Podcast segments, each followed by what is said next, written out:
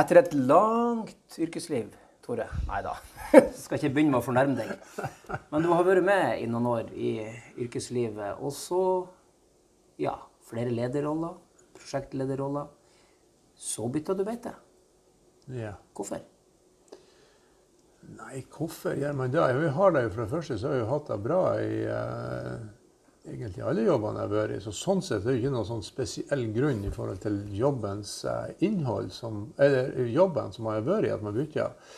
Men det her med næringsutvikling, altså det har jo egentlig alltid liv sånn sett med et hjerte nært. Eh, enten som delvis gründer sjøl og være med og starte bedrifter, eh, eller å bidra til å få i gang ting gjennom andre posisjoner som man har vært i. Mm. Og når nå denne muligheten som daglig leder i SNU dukka opp her i Gildeskål og kunne bidra eh, i den kommunen som man bor i, så var det veldig fristende og noe som jeg har lyst til å gjøre. Og, eh, Snu, altså Sjøfoss næringsutvikling. ja, Ja. Så eh, etter å ha gått noen runder med meg sjøl, så fant jeg ut at det her, her det, det har jeg lyst til. Og så la jeg inn en søknad på stillinga. Ja, og så første jeg tenkte når jeg fikk med meg denne nyheten, det var oi, skal han allerede over i noe annet? Så, men så er det sånn i mitt liv som for mange andre at årene går fort. For du er jo ikke akkurat at du kom til den jobben du står i, altså i Kunnskapssenteret i Gildeskål. Det har blitt noen år allerede som leder. det eh, 13 14. september. Eh, er det sju år. Ja. Så, eh, så det blir drøyt sju år her. I, eh, Og i manges verden så er jo fem, seks, sju år i én jobb det er kanskje nok på sett på én måte. Ja, både og selvfølgelig. Du skal jo ha både kontinuitet, og så kan det selvfølgelig være greit å få noen nye fjes inn. Altså på, på, og så samtidig så syns jo jeg kanskje minimum en fire år bør du jo være i en lederjobb for på en måte å sette litt fotavtrykk etter det. Så, så da tenker jeg et minimum. Og, og eh, at jeg ble sju år, er egentlig sånn sett litt tilfeldig. Altså. Og så er det jo sånn nå. Man er jo i en alder. eh, Man nærmer seg 60. Du sa et langt arbeidsliv, og at du skulle ikke fornærme. Men det er nå et faktum. Sånn er det nå. Og når man nærmer seg 60, så blir man vel kanskje ikke så veldig attraktiv verken på den ene eller den andre måten med årene. Så jeg syns det var en fin timing, eh, og, og sånn sett glad for den tilliten som jeg fikk av styret til Sjøfoss næringsutvikling. Og for, eh, i lag med dem eh, få utvikla den biten av Gildeskål. Men relativt sett så er det jo ikke så veldig mange nesten 60-åringer som i det hele tatt bytter jobb. Eh, Så sånn sett så er du kanskje en del av et mindretall, men det her var spennende nok. Ja, det var det, altså. Og jeg har sagt til sånn sett flere som har spurt om og snakka litt om det. var Sånn lokalt så var jo det her en av de få jobbene som sånn sett kunne få meg til å skifte beite. Det var det. Og du, vi, skal, vi, skal, vi, må, vi må komme tilbake og ta, ta en ting av gangen. Komme tilbake til både den jobben du har og den jobben du skal til. Men først så brenner jo jeg og alle de som hører på, vi brenner etter å få høre litt mer om eh, Tore Laugsand. Hvem han egentlig er. Man møter jo den smilende, sympatiske eh, personen i Gildeskål, men eh, hvor det begynte hen? Altså, du er snart 60, så det betyr at du er født sånn eh, rundt 1960. Ja, 63. Og hvor var vi hen i verden da? Nei, da var vi han Tore Laugsand han har stort sett fornsmilende rundt i Gildeskål, eh, med noen unntak. Men jeg ble jo født på, eh, på Sandjornøya eh, som sønn av en, en fiskekjøper og, og, og, land, og landhandler. Altså eh, faderen av fiskebruket og mamma var nede og drev butikken. Og vi måtte jo tidlig lære oss til å delta i den aktiviteten som var der. Og så var jo sånn sett eh, Faderen han var jo en, en, en igangsetter, eller det de kaller i dag en gründer, på så mange områder. Så jeg husker jo så vidt at han drev med minkoppdrett eh, fram til 1970. Og det jeg husker mest ut av da, det er egentlig lukta. Ja. For det var en veldig eh, særegen lukt ut av, ut av mink da. Og så Men for, det er mange som ikke kobler helt med navnet. Vi må få navnet. Din far heter jo Torbjørn Løksand Og mamma, det var jo og Lyda. Ja, riktig. Du, de, de, de veldig mange små gutter, eh, kanskje flertallet, har jo sin far som sin store helt. Hva er din store helt? Ikke helt, så i hvert fall så begge to, vil jeg jo si, var jo setter jo litt premisser for hvordan man ble, og, og lærer de verdiene som man har prøvd å ta med seg, og som senere man overfører til egne unger. Ja, hva det var?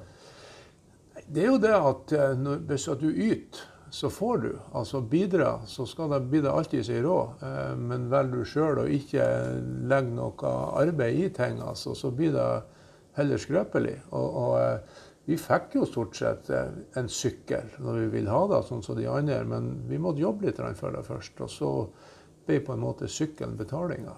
Eh, og da også da å få til ting i fellesskap. At man skjønner at eh, alene så er du ikke egentlig så veldig mye, men hvis at du forener krefter eh, i lag, så kan du nå mål som du ellers ikke, ikke ville nådd. Mm. Så, eh, og så har de jo også lært det her med, med stå-på-vilje. Da å ikke gi seg. Et, ikke ta et nei for et nei nødvendigvis, men eh, kom det rundt neste hjørne og neste sving, så dukker det opp en mulighet som Mm. kan løse de utfordringene. som Så, så snart 60 år, så er du, du er en seiging? Ja, ja, jeg, vil, jeg vil vel i hvert fall si det at det, det, har jeg tatt med meg. Jeg gir ikke opp. Jeg tar ikke nei for et nei. altså. Det, det, Du er en stayer? Ja, folk de blir litt plaga ut av meg hvis at eh, jeg føler at eh, det blir litt urettferdig behandla, eller ikke det blir lagt ned den, eh, det som jeg kunne forvente ifra. Så krever nok å, at det legges ned det som skal til. ja. Mm. Det er vel ikke noe ulempe i den jobben du skal inn i når du skal skape nye arbeidsplasser i Gildeskål sammen med andre? Nei da, det håper jeg jo sånn sett at folk både der jeg har vært og der jeg kommer, altså at de kan kjenne igjen da at når vi spiller på lag, så er jeg en medspiller som skal bidra til å trekke folk med meg og, og få folk til å, å yte så godt som de kan. Og når folk gjør det, så kan ikke man forlange så mye mer. Ja. Men du, litt mer først om eh, ville, vakre Sandhornøya. Ja. En perle i Gildeskål. Litt mer om oppveksten der, da. Ja, nei Var det en fin tid? Ja, det vil jeg jo si da. Altså den, eh, klart Noen ganger jeg husker jo det var litt irriterende at vi måtte stå og, skjære filet når at eh, resten av gjengen var samla og begynte å spille fotball klokka, klokka halv fem. Men så fikk vi jo dra bortover i seks-halv sju-tida, og så holdt vi på til, til vi ble ropa inn. Og ellers ha eh, venner som man leka i lag med der borte og gikk på skolen med. Så jeg, jeg husker tilbake på det som en fin, og en trygg og en god oppvekst. Altså, I eh, fine rammer på, mm. på alle måter. Og Sandjornøya er jo, som de fleste andre plasser, totalforandra siden da, men er jo ei øy som har et veldig godt omdømme, og som er en attraksjon for veldig mange fortsatt. og Ja, har kanskje beholdt mange av kvalitetene fra, du husker fra din oppvekst, eller? Jeg merker jo nå at det blir mindre folk. Jeg ble jo på en måte litt minnet på det nå når jeg her i sommer fikk eh, tilsendt et bilde fra åpninga av Sandmoen stadion eh, i juni 1980. Første kamp, fotballkampen som vi har på Sandjornøya. Og når jeg så det lagbildet Vi var 13 fotballspillere der som alle bodde fra Mårnes til, eh, til Horsdal. Mm. Og eh, du er jo ikke i nærheten av å være der, eh, være der i dag. Så det, det merker jeg at det er mindre fastboende. Men samtidig så har du jo fått en utvikling til at Sandjornøya er blitt veldig veldig populær i forhold til fritid. Altså på godt og vondt. Så så tror jeg det er viktig at vi fokuserer på det gode på det. Og det gjør jo at du i hvert fall tidvis så har du veldig mye mer folk eh, igjen som, som er på øya. Og så er den jo veldig populær blant noen litt mer upopulære innvånere. Det er jo djevelsk med elg på Sandjornøya. Ja, Har man ja. fått bukt med det der, eller er det like ille fortsatt? Nei, altså, jeg vet ikke hvor Bukt og bukt Jeg oppfatter det kanskje ikke som så ille. Der, der det er verst, det er kanskje rundt skoler, eh, der elgen ikke er et villdyr lenger, men nærmest et husdyr som ikke går bort når at folk kommer gående, og kanskje spesielt mindre unger, som det kan være litt. Ellers så Jeg ser jo elg ofte og mye der som jeg bor. Jeg ser på det sånn sett mer som en ressurs altså, enn, en en plage. Du klarer ikke helt å irritere deg over det? Nei, nei, det gjør jeg ikke. Og så får jeg mye godt elgkjøtt eh, som grunneier ifra det. altså. så det Er du generelt litt irritert her i livet?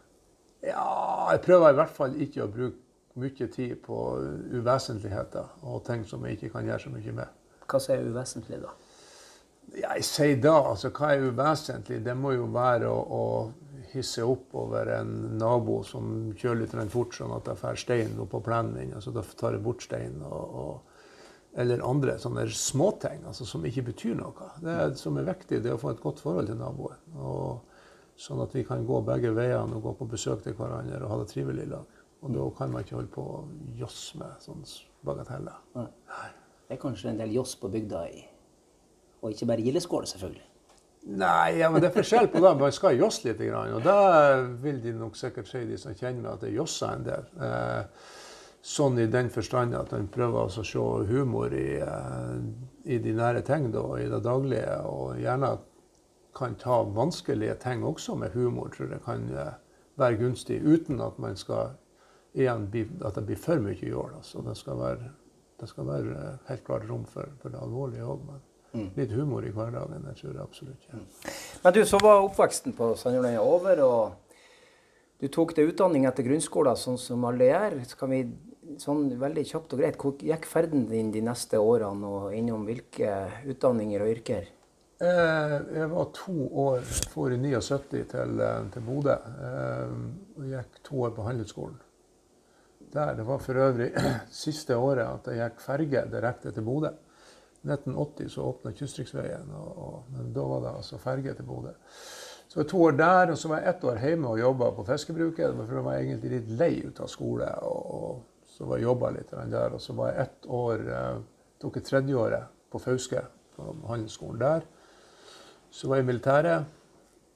Som i dag er jo ikke da som vanlig, men i de dager så eh, var jo noen og 90 skulle i militæret.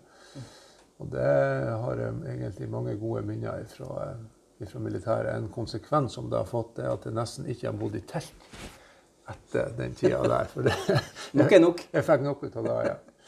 Og så, i 84, da, så jeg var ferdig der, så var jeg så heldig at jeg kom inn på Distriktshøgskolen som det første kullet på akvakulturlinja der, som ble etablert, eller oppstarta i 1984. Så var det to år der. Og så var det da hjem igjen. Og til en daglig lederposisjon i Lauksand Laks. Det familieeide oppdrettsselskapet. Mm.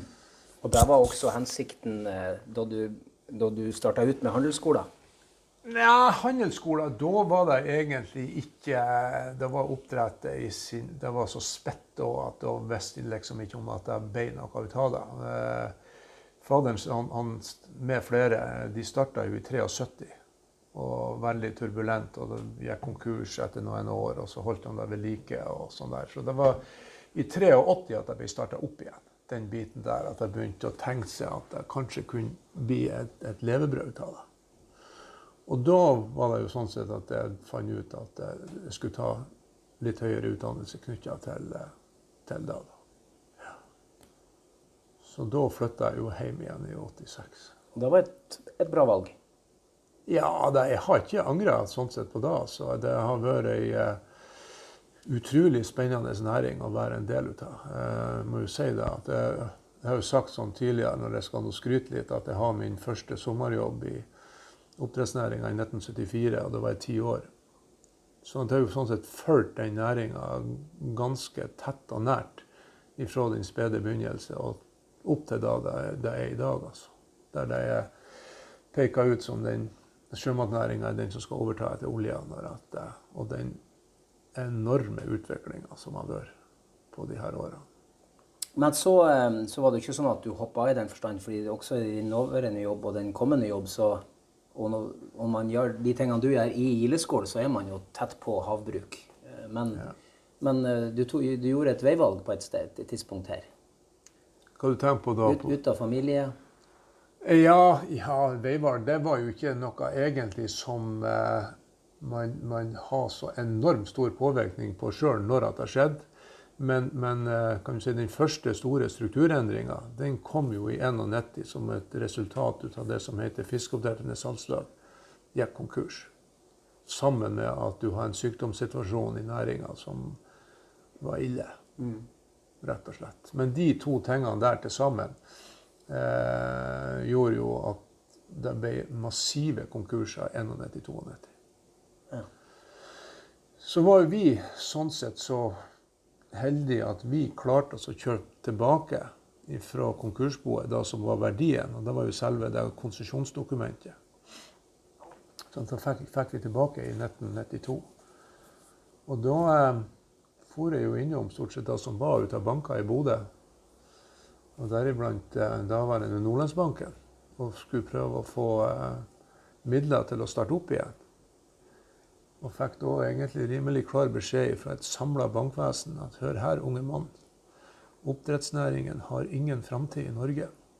Det er over. Ah. Og vi har tapt nok penger på dere. Ja, egentlig så var det det. Og da åpna da opp for eh, det som noen kaller med litt eh, ekkelt trøkk for storkapital, som kom inn i næringa. Så, så, det var jo på sett og vis den første store omstruktureringa.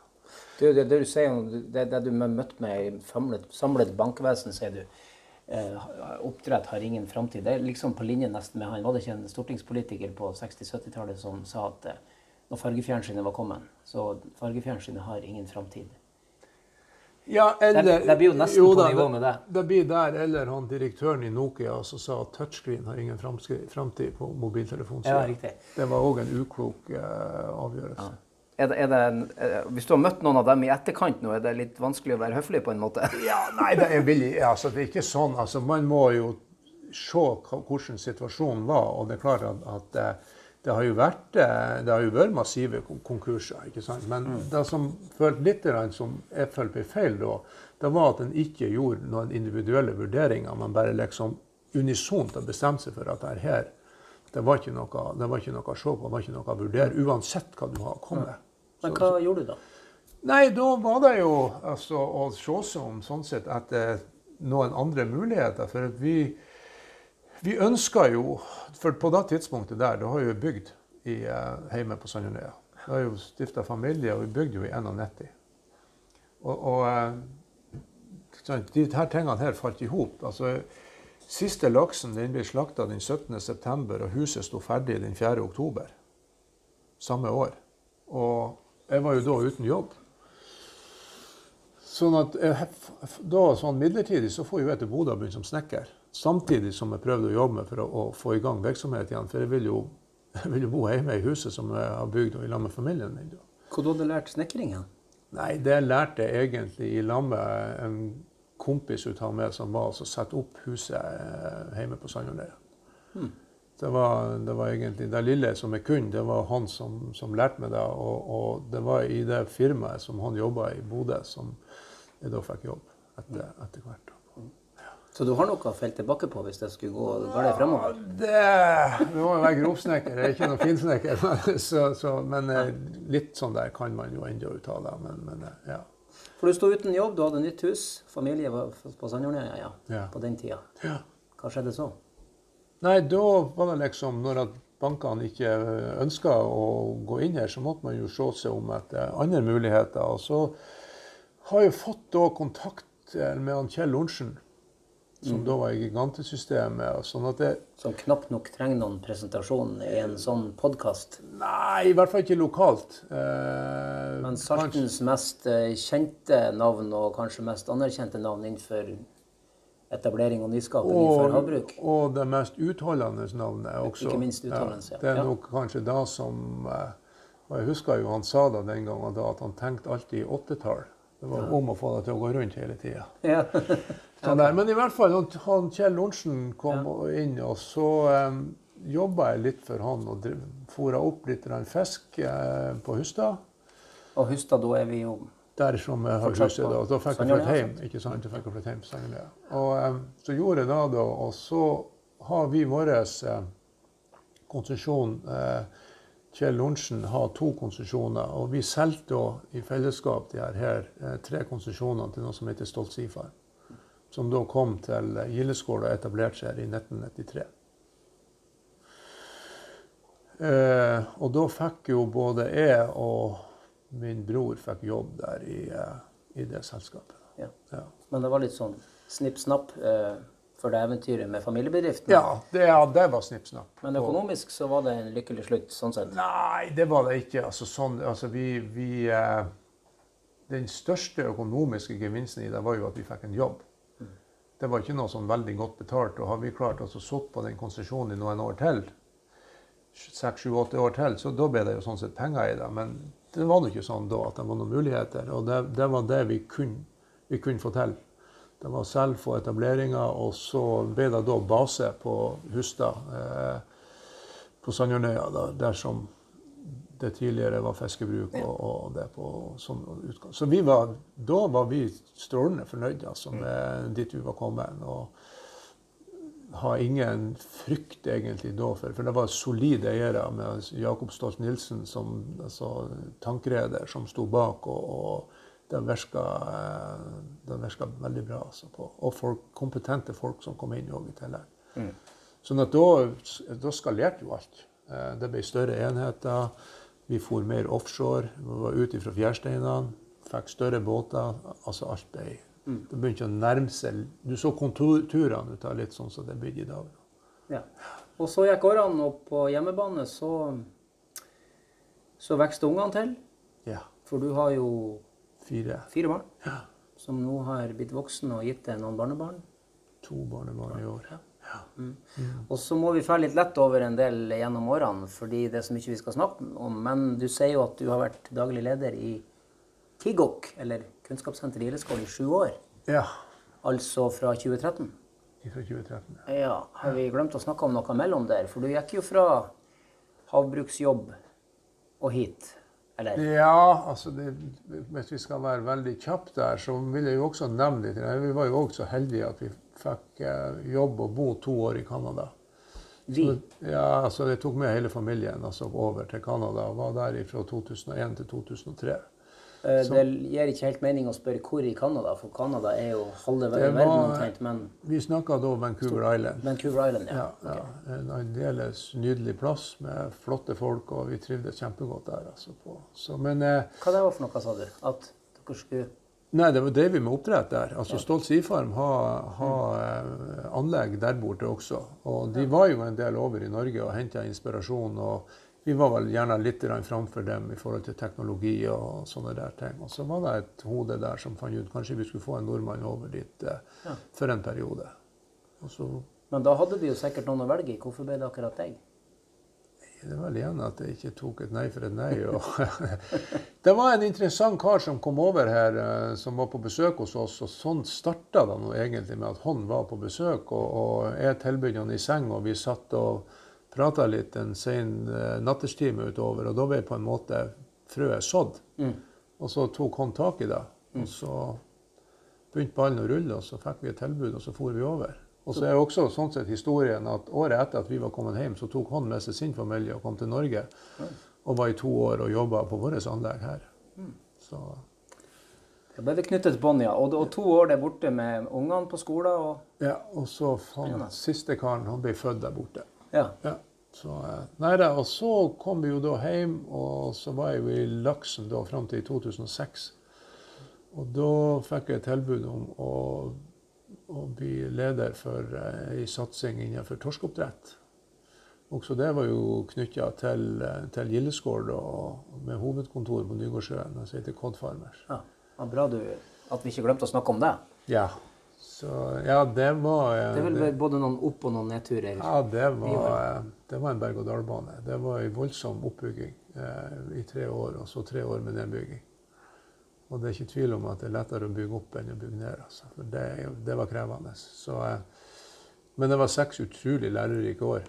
Selv om at eh, det endte jo med at vi fikk det jo ikke til sånn som vi ønska. Så eh, vi klarte ikke å skape butikk ut av torskeoppdrett. Og det har jo Grunnleggende så har jo ingen klart det. Nei, for, nei egentlig. de har ikke det. Nei. Og den store forskjellen mellom torsk og laks det er jo da at du har jo en velfungerende eh, villfangstnæring på, på torskesida. Som eh, driver godt og dyktig og, og bra i dag. Mens at på laks så er det ikke noe, det er ikke noen konkurrenter ute i som blir fanga vilt. Så, eh, ja. Og så var jeg da ett år i Sverige som røyeoppdretter i innsjø og elver der fra 2012 til 2013. Røyeoppdretter. Ja. Det var eh, et selskap som han Steinar Olaisen i sin tid gikk inn i i Sverige. Fra Lovund. Fra Lovund, ja. Mm. Eh, og så ble jeg da spurt om å ut, ut av det Lovund-miljøet om jeg kunne tenke meg til å dra bortover dit og gjøre en liten jobb for dem. da. Og så gjorde jeg jo det. Og det var jo hele tida meninga at det skulle bli forholdsvis kort. Jeg visste ikke hvor lenge, men, men det, det, var jo 700 km hver vei å pendle på jobb. Sånn at eh, når tilbudet da kom om at det skulle bli 7 km her til KGOK, så, så ble det noe sånn. Mm. Du, så har du også gått fra lederoppgave til lederoppgave, egentlig. Også, men, og det, så det var du vant til. Men så kom du til KIGOK og, og leder, men for noe mildest talt annerledes enn du var vant til, eller? Ja, det må man jo sånn sett si at det var jo noe annet enn Jeg har jo eh, Oppdrettsnæringa har vel vært og er vel delvis ennå noe mannsdominert. Eh, sånn at det gjør jo at miljøet blir litt sånn der deretter. Og så kom jeg jo hit der det var egentlig mer damedominert miljø. Eh, og en del andre arbeidsoppgaver som man skulle gjøre. Men eh, det var en læringskurve på det også. Jeg visste jo sånn sett hva jeg gikk til, og jeg kjente jo til KIGO K, kunnskapssenteret fra før, og hovedsakelig gjennom eh, egentlig hun Camilla, som nesten har vært her i en halv mannsalder og, og ført opp lærlinger. Så vi har jo hatt de inne både i Stolt Seafarm og i Marine Harvest og i Cod Farmers. Så, mm. så, så, det var egentlig sånn. Og, og Camilla Christensen som leder opplæringskontordelen av ja, virksomheten. Ja, ja, ja, ja. Så, og hun eh, er jo en av de kollegaene som jeg nå har hatt i, i sju år. Så, mm. ja. Og så har vi jo eh, jeg synes jo, det, det, er jo lagt, det skal de jo ha, det er jo lagt et veldig godt grunnlag ut av de som har drevet der her før. Med driften ut av kunnskapssenteret og KIGOK. Eh, det som var den største kan du si, for, eh, forandringa for meg, det var jo at tidligere så fikk du jo en slump penger og et budsjett, og så skulle du drive for det her, og så skulle du produsere så og så mye. Og så, skulle du gjerne, så helst så skal du jo produsere for mer enn at du bruker. Og da går jo ting bra. Eh, her var det sånn at, at eh, vi starta året med en del tanker og ideer om aktiviteter som vi skulle ha, men det var ikke helt fullfinansiert, for å si det mildt. Og så måtte du da lære det til å finne hvor honningkroken var og hvor finansieringen var. De har et, hatt et veldig godt system på det eh, fram til jeg begynte, og føler vel at vi har fått utvikla det i lag videre. Sånn at, at eh, det, er, det har vært lærerikt, altså, rett og slett. Og da også så kan du si, knytte i hop eh, si, privat og offentlig finansiering, og derigjennom få på en måte mer ut av pengene. Mm. Du, en, en, kjent person innenfor norsk media, eh, jeg har hørt at det var Jan Otto Johansen, han som var i NRK, vet du, har sagt det en gang, sikkert mange som har sagt det, men han har i hvert fall sagt det, at du må ikke Altså, folk er ikke dumme. Du må ikke undervurdere deres intelligens. Folk er ikke dumme, men de mangler ofte kunnskap. Så kan ikke du, eh, for alle de som trenger å vite sånn mer nøyaktig hva KIGOK, kunnskapssenteret i Gildeskål, er for noe Sånn eh, kort fortalt, eh, KIGOK for dummies. Hvordan vil du frem, fremføre det? Det er lov å skryte litt? Ja, ja, ja da. Nei, altså KIGOK for, for dummies jeg, jeg har jo vært inne på en av de, de, oppgavene som vi har, og det er jo det å følge opp lærlinger. Og vi har jo en en to-tre stykker som har da som, som hovedoppgave. Eh, nedslagsfeltet er fra Rødøy i sør og helt opp til Narvik. Så det er et forholdsvis stort område. På. Og per i dag har vi ca. 100 lærlinger som vi følger opp. Eh, mange av de er knytta til akvakultur. Så har vi jo også nå, eh, spesielt i de senere år, eh, fått eh, en, en, ganske stor fot å stå på, altså som går på, på kurs lovbestemte kurs. Mye til oppdrettsnæringa. Da med, med, kursing og sånn her, det er jo blitt bare mer og mer i tiden, og det er i mange tilfeller et myndighetskrav. Og Der har vi medarbeidere hos oss som har gjort en veldig god jobb og levert gode produkter, sånn at vi er kommet godt inn nå med næringa i dette området, området vårt.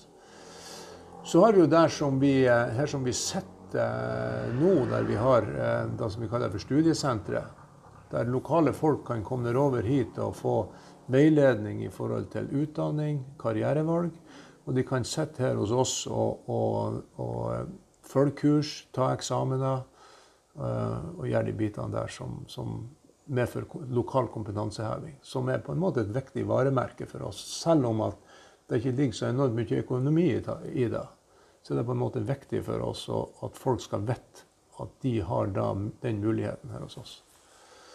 Og så er det jo alle de her forskjellige prosjektene som vi kjører. Vi, eh, vi har jo eh, Vi er jo sju, eh, var åtte medarbeidere med ganske variert bakgrunn.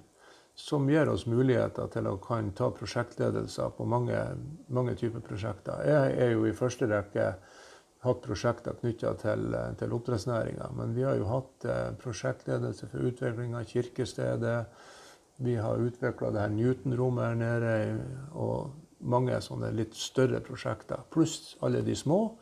Også et, også et ferskt et som er både ja, som er spennende og lovende, som du har vært veldig involvert i. Det og er involvert i, det er jo det her med fiskeslam og ivaretakelse av fiskeslam fra havbruk. Ja, det er det siste prosjektet som egentlig nå har blitt kjørt eh, det siste halvåret sånn spesielt, og som nå er i ferd med å materialisere seg med etablering eh, i Glomfjord. Eh, sentralt tørkeanlegg for, for fiskeslam. Og fiskeslammet det er rett og slett det som blir igjen når avløpsvannet fra settefiskanleggene blir rensa. Så skal det kjøres inn dit, og så skal det foretas en tørkeprosess der. På, og det er mengder? Det er, vi snakker om tusener av tonn, ja. Som skal, som skal tørkes. Og så, så det er jo fase én. Og så er jo fase to, som er, kanskje blir vel så interessant det er jo å, å, begynne å se på mulighetene av å bearbeide dette produktet til, til, noe mer. Og finne andre bruksområder og rett og slett i produktutvikling. Og det vet man jo en del om hva det kan bli? Ja, du har en del sånn såkalte regulatoriske utfordringer eh, i forhold til eh, hva myndighetene sier hva du har lov å bruke det til. Men gjett at det blir løst, så er det utrolig mange områder som det her kan. Der tror jeg kan bli kjempespennende. Og det tror jeg er en rett plass å få det etablert også i Eh, det miljøet som er i Glomfjord, med, med Yara innenfor gjødsel. Eh, og det er andre firmaer innenfor prosess som kan eh, bistå og dra det her videre. Så, så jeg har stor tro på det. Altså. Og, så er det lett å bruke for store ord, sikkert. Men kan det tenkes at en sånn satsing, hvis den lykkes, òg kan være med å forbedre, om mulig, omdømmet til havbruksnæringa? Fordi at avfall fra havbruksnæringa er jo virkelig en sånn het potet, eller hvor hvor, hvor, bærekraftig, hvor miljøvennlig er egentlig havbruk, liksom. Mm. Det her kan jo virkelig hjelpe på saken, eller? Ja, absolutt. Og det her med sånn sirkulær økonomi er jo virkelig i, tiden nå. Og, og, jeg tenker at eh, oppdrettsnæringa virkelig har muligheten til å kan lage til en grønn historie knytta eh, til det her, hvis at de får nå litt drahjelp eh, fra myndighetene. For det er klart at Jeg er jo kjent med at det er ei etablering på Åmøyhamn som går på soldatfluelarver. Og de eh, spiser stort sett da de kommer over, og vokser utrolig fort.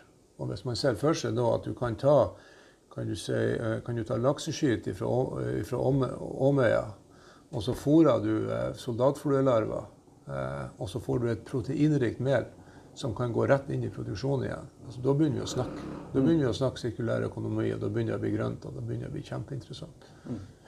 Men det er et stykke igjen. Men, men uh, for folk som ikke liker å få nei, så er det bare ei uh, utfordring. Spennende. Vi gleder oss til å høre mer om det. Og så kan vi ikke snakke om alt. Men, men det hører med til historien at Kiggo K, som er din arbeidsgiver i dag, også er et, et av tannhjulene i noe større nemlig på øya ved Inndyr, der man nå sitter og ser på eh, visningssenteret for laks. Vi har Mele videregående skole, der det er kull på veggene med søkere, og folk står i kø for å være elever der. Så har vi dere, og pluss, pluss, pluss. Så, eh, og, og samla mye av det her under det som heter GMC, eller Gildeskål Marine Center. Mm. Så det er spennende, et spennende sted å være for alle? Ja, absolutt. Og, og det som sånn sett er litt artig, det er jo at vi i eh, 2016 så har vi eh, ansatte her i lammet styre i KIGOK i strategisamling der et eh, delmål var å få etablert eh, et kontorfellesskap her nede i, eh, i det gamle Sjøfossen-bygget. Og det er jeg veldig, egentlig veldig stolt over at vi har fått til og klart å få det dit jeg er i dag. Eh, og når at så klart, det, er jo litt flaks og litt timing, men så kom bygget ut for salg. Og så er vi heldige å ha eh, godt samarbeid med andre aktører eh, i næringa. Så i lag med fire-fem andre så fikk vi tilslaget, og så kjøpte vi det bygget her. Og så ikke bare da, det, eh, det, var i 2017, og så bygde vi ut i fjor, igjen i 2019, med ti nye kontorplasser. Og, og, sånn som det ser ut nå, så er det blitt den paraplyen som vi ønska det skulle være, der vi får samla kompetanse, og at du får et miljø eh, her. Og så har du beliggenheten. Vi er nært skolen, som du sier. Vi er nært eh, visningsanlegget, Newton-rommet, alt det her. Sånn at, at eh, det er et, eh, vil jeg si, et kraftsenter eh, i forhold til eh, det lokale her i Gildeskål. Nå skal vi ikke overdrive betydningen eh, sånn sett ut av det sånn regionalt, men for oss så tror jeg det var vesentlig at vi fikk det her, eh, fikk det her gjort. Men du, sånn, eh, litt sånn langt om lenge så må vi oppsummere litt. For at mm. her, den praten vi har i dag, er jo liksom litt sånn i anledning at du går fra en jobb til en annen, sånn som vi begynte med i stad. Eh, sju år i eh, Kygo K. Hvorfor var du en bra leder å velge for sju år siden? Hva er det du har fått til som gjorde at man kan oppsummere med det?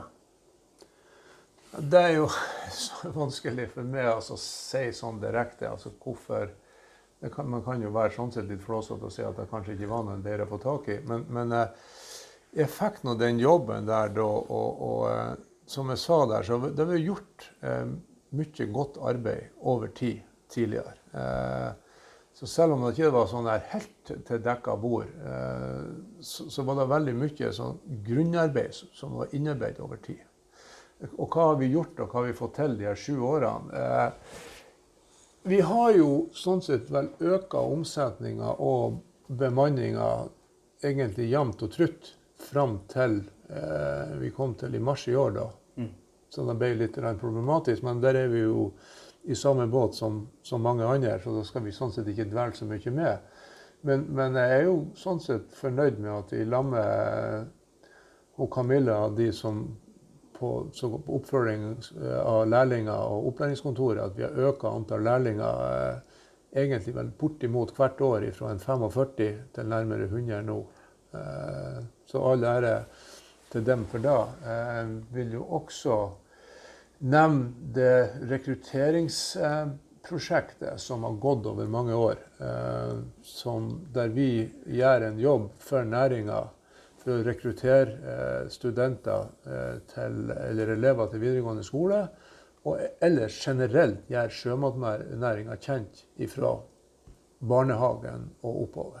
Der vi har fått ei stabil, god finansiering i samarbeid med det private næringsliv Eh, og offentlige institusjoner. Og Heidi hun har piska oss fram til å lage ordentlige og gode rapporter hele veien. Sånn Heidi Mæland. Ja, Heidi Mæland. Så, så, noen ganger så var det pain in the ass, men når man ser tilbake, så var det helt rett. For nå har vi et produkt som vi kan vise fram som vi er veldig stolt ut av. Eh, både det vi gjør, og den måten som vi rapporterer det jeg vet jo utmerket godt at det er et lagarbeid i alt mm. som ligger bak, uansett hva man får. Men vi journalister vi liker jo å forenkle ting. sånn at jeg vil jo tilbake til hvorfor var du en bra mann til å lede her? Hadde de opp resultatene du akkurat ramsa opp med økt antall ansatte, økt omsetning, flere lærlinger, mer, bedre rekruttering til havbruk og utdanning, hadde alt det her uh, blitt oppfylt på samme måte uten deg som leder?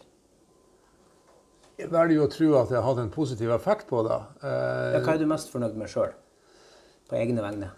Nei, hvis jeg, hvis jeg skal ta frem altså Finansieringsbiten ut av de her rekrutteringsprosjektene, der vi nå har fått eh, langsiktige og gode avtaler med oppdrettsnæringa i, i 100 000-kronersklassen, og som syns at vi har laga til et godt produkt, er jeg kjempefornøyd med. At vi, eh, jeg må jo også si at, at denne etableringa her, som vi har gjort her nede gjennom GMC, og, og der er, er styreleder i GMC og sånn sett drifter det her bygget. Det er jeg også fornøyd med. Eh, og da samarbeidet som vi har med, med leietakerne her, jeg oppfatter i hvert fall da som, som veldig bra.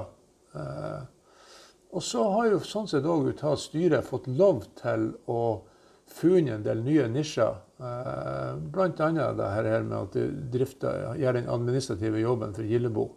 Som ikke sånn sett har vært noe spesielt borti før.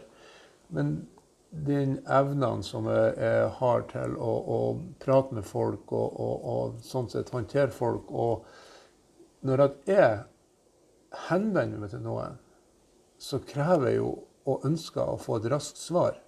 Og da prøver jeg jo å etterleve når at noen henvender seg til meg. Sånn at, at, hvis noen blir spurt, så håper jeg jo at de sier da at eh, han Tore Laugsand han er en kar som i hvert fall Kan han ikke svare med en gang, så tar han kontakt og så, og så blir ting utført. Mm. Ja. Du er fornøyd med det du har fått til på sju år?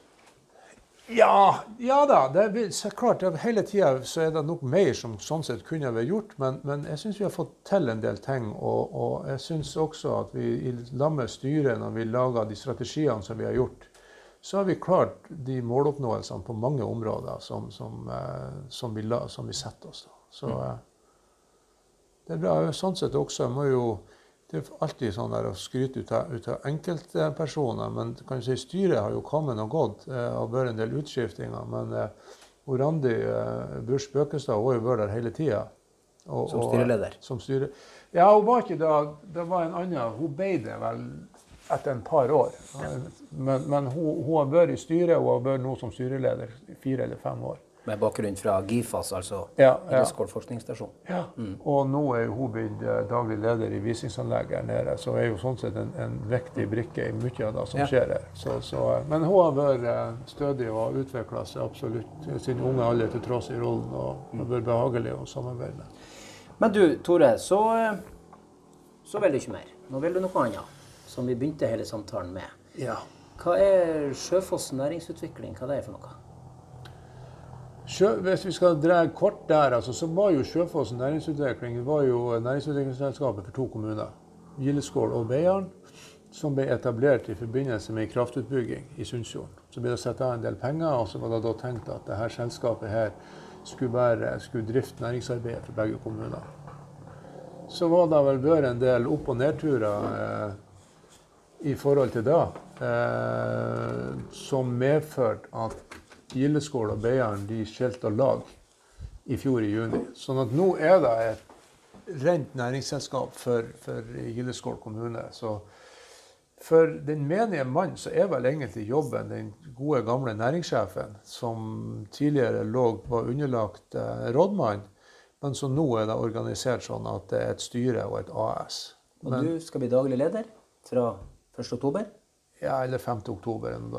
Ja. Og du skal ikke sitte på rådhuset? Nei, det skal jeg ikke gjøre. Jeg skal egentlig bare, jeg må finne meg et annet kontor enn jeg har over gangen. en plass i bygget. Ja. Ja. ja. Så du får ingen plass sånn sett? Nei. Men eh, hvorfor eh, Du var jo inne på det i stad, men eh, hvorfor blir det rett jobb for deg å gjøre, og hvorfor er du rett til den jobben? Det er vel litt ut av de egenskapene der som jeg kanskje sjøl føler at jeg har, og som tydeligvis da eh, andre òg har sett at den evnen til å, å få kontakt med folk, eh, snakke med folk eh, på en fornuftig måte, selv om jeg ikke nødvendigvis kan fagfeltet 100 hele tida. Eh, hente inn informasjon som trenges. Eh, og så bærer det jo å tro da at da kontaktnettet som jeg har opp mot sjømatnæringa, har hatt det i betydning. For jeg kjenner jo ganske mange etter et langt liv eh, i den næringa. Og så har jo Sjøfoss næringsutvikling og Gildeskål kommune en strategi som sier at det ikke bare er sjømat som vi skal satse på, men det er noen andre ting. sånn at det vil jo ha behov for å hente inn kompetanse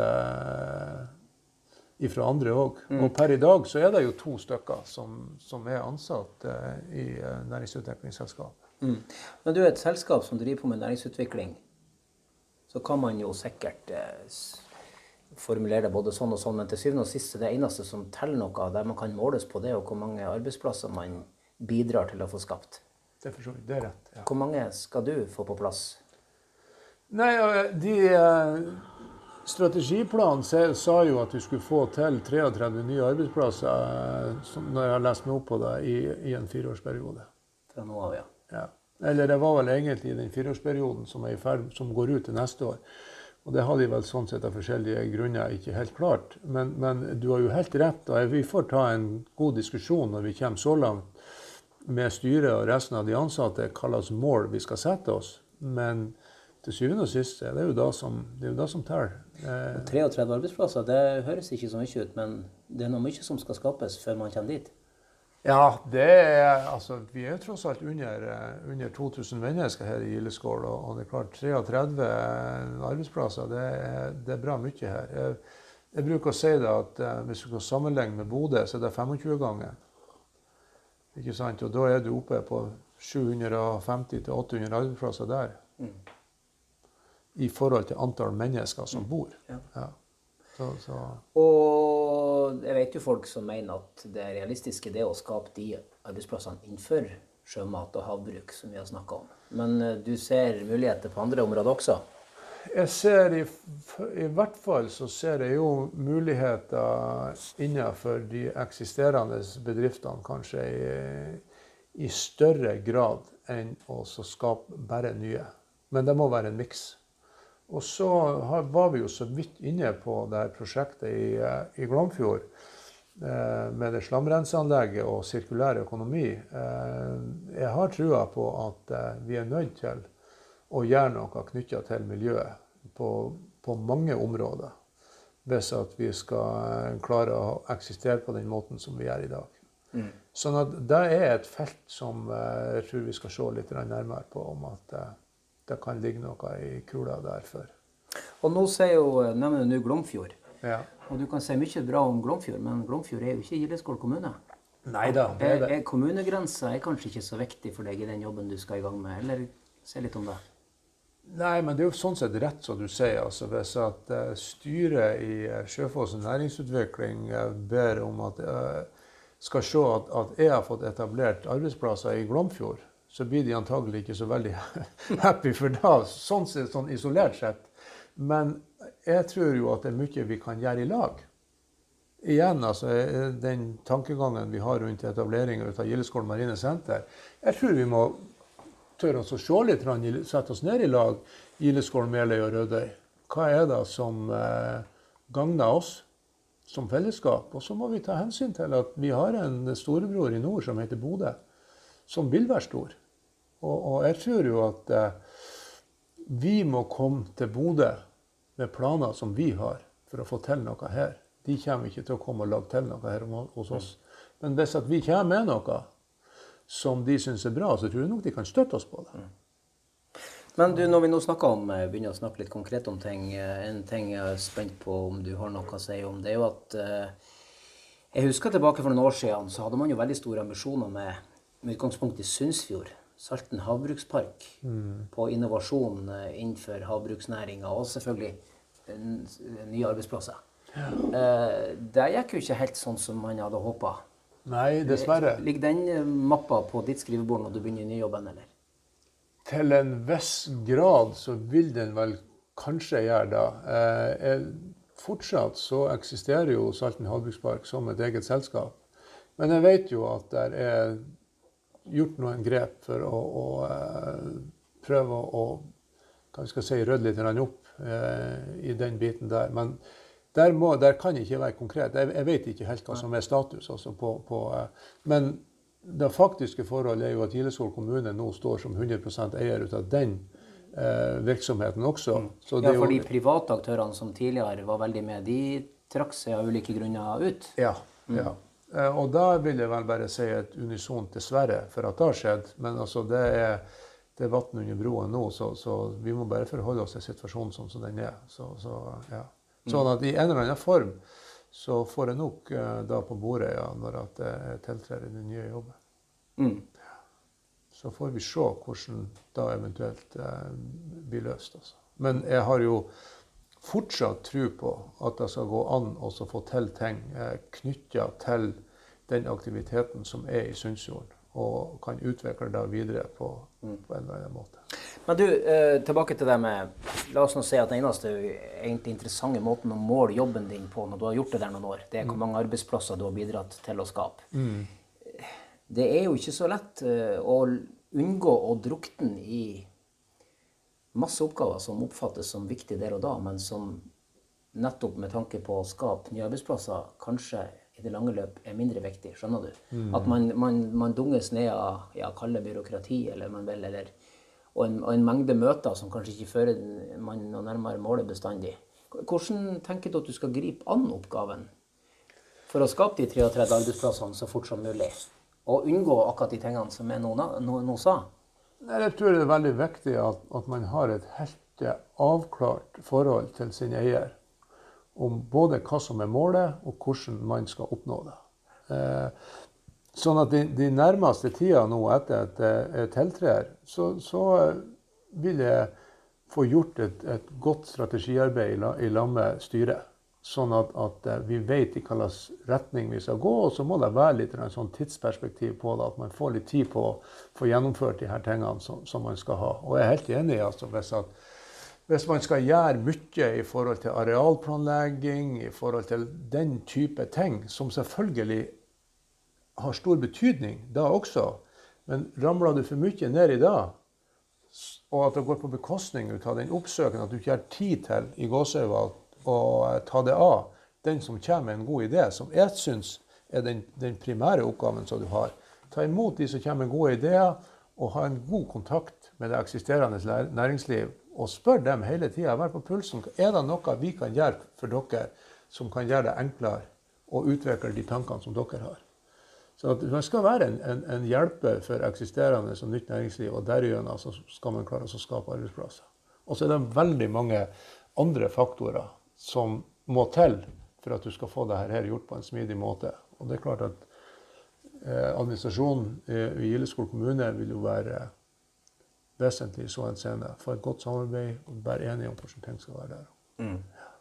Og, og dreier det seg ikke òg veldig om i en sånn jobb og egentlig at man skal være den som fører folk sammen?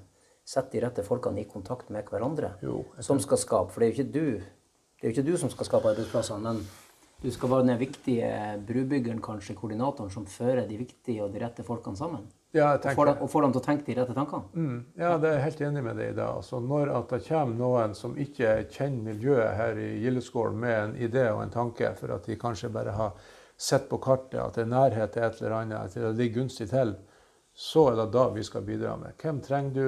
Hva har du behov for? Jo, da gjør vi sånn og sånn og sånn. og lager at alt skal være klart. Eh, sånn at de får dyrke sine ideer videre. Og så skal vi legge til rette og gjøre de oppmerksom på hva som finnes her. Eh, og hvor er det areal, hvor er det eventuelt penger. Virkemiddelapparatet vil jo være viktig å ha god eh, kontroll på. Og så har vi jo litt på tilskuddssida, sånn at vi kan gå inn både på eiersida ikke sant, i noen selskaper. hvis at, eh, er. Men det må jo være basert på en vurdering om at det her skal, kan bli eh, butikk på sikt. Og så har man jo en del sånne store, mer sånne større krefter og motkrefter som man må forholde seg til, som egentlig eh, man eh, Uten å fortjene det, så jobber man mot dem. og da tenker jeg f.eks. på Folk vil jo bo i by. Folk vil jo ikke bo i små distriktskommuner som verken Gildeskål eller Meløy eller Rødøy eller hvem det nå måtte være. Og det er jo med å legge snubletråder i veien for næringsutvikling også. Jo da, det er det. Og sånn sett, det der det er jo ei utvikling som historisk har, har foregått eh, siden 1950-tallet. Etter krigen så hadde du fått ei urbanisering ut av eh, befolkninga i hele landet. Eh, så er det jo så er det jo en ting som man må spørre seg nå. altså eh, hvor viktig skal de kommunegrensene være i forhold til hvor du bor henne? Man ser jo mer og mer nå at det er folk som kanskje er tre dager for vekka i Gildeskål, og så har de eh, i hus eller hytte der, og så er de fire dager for vekka i Bodø. Og så bor de i Bodø, og så skatter de til Bodø, og så er det da som eh, Det er sånn det telles.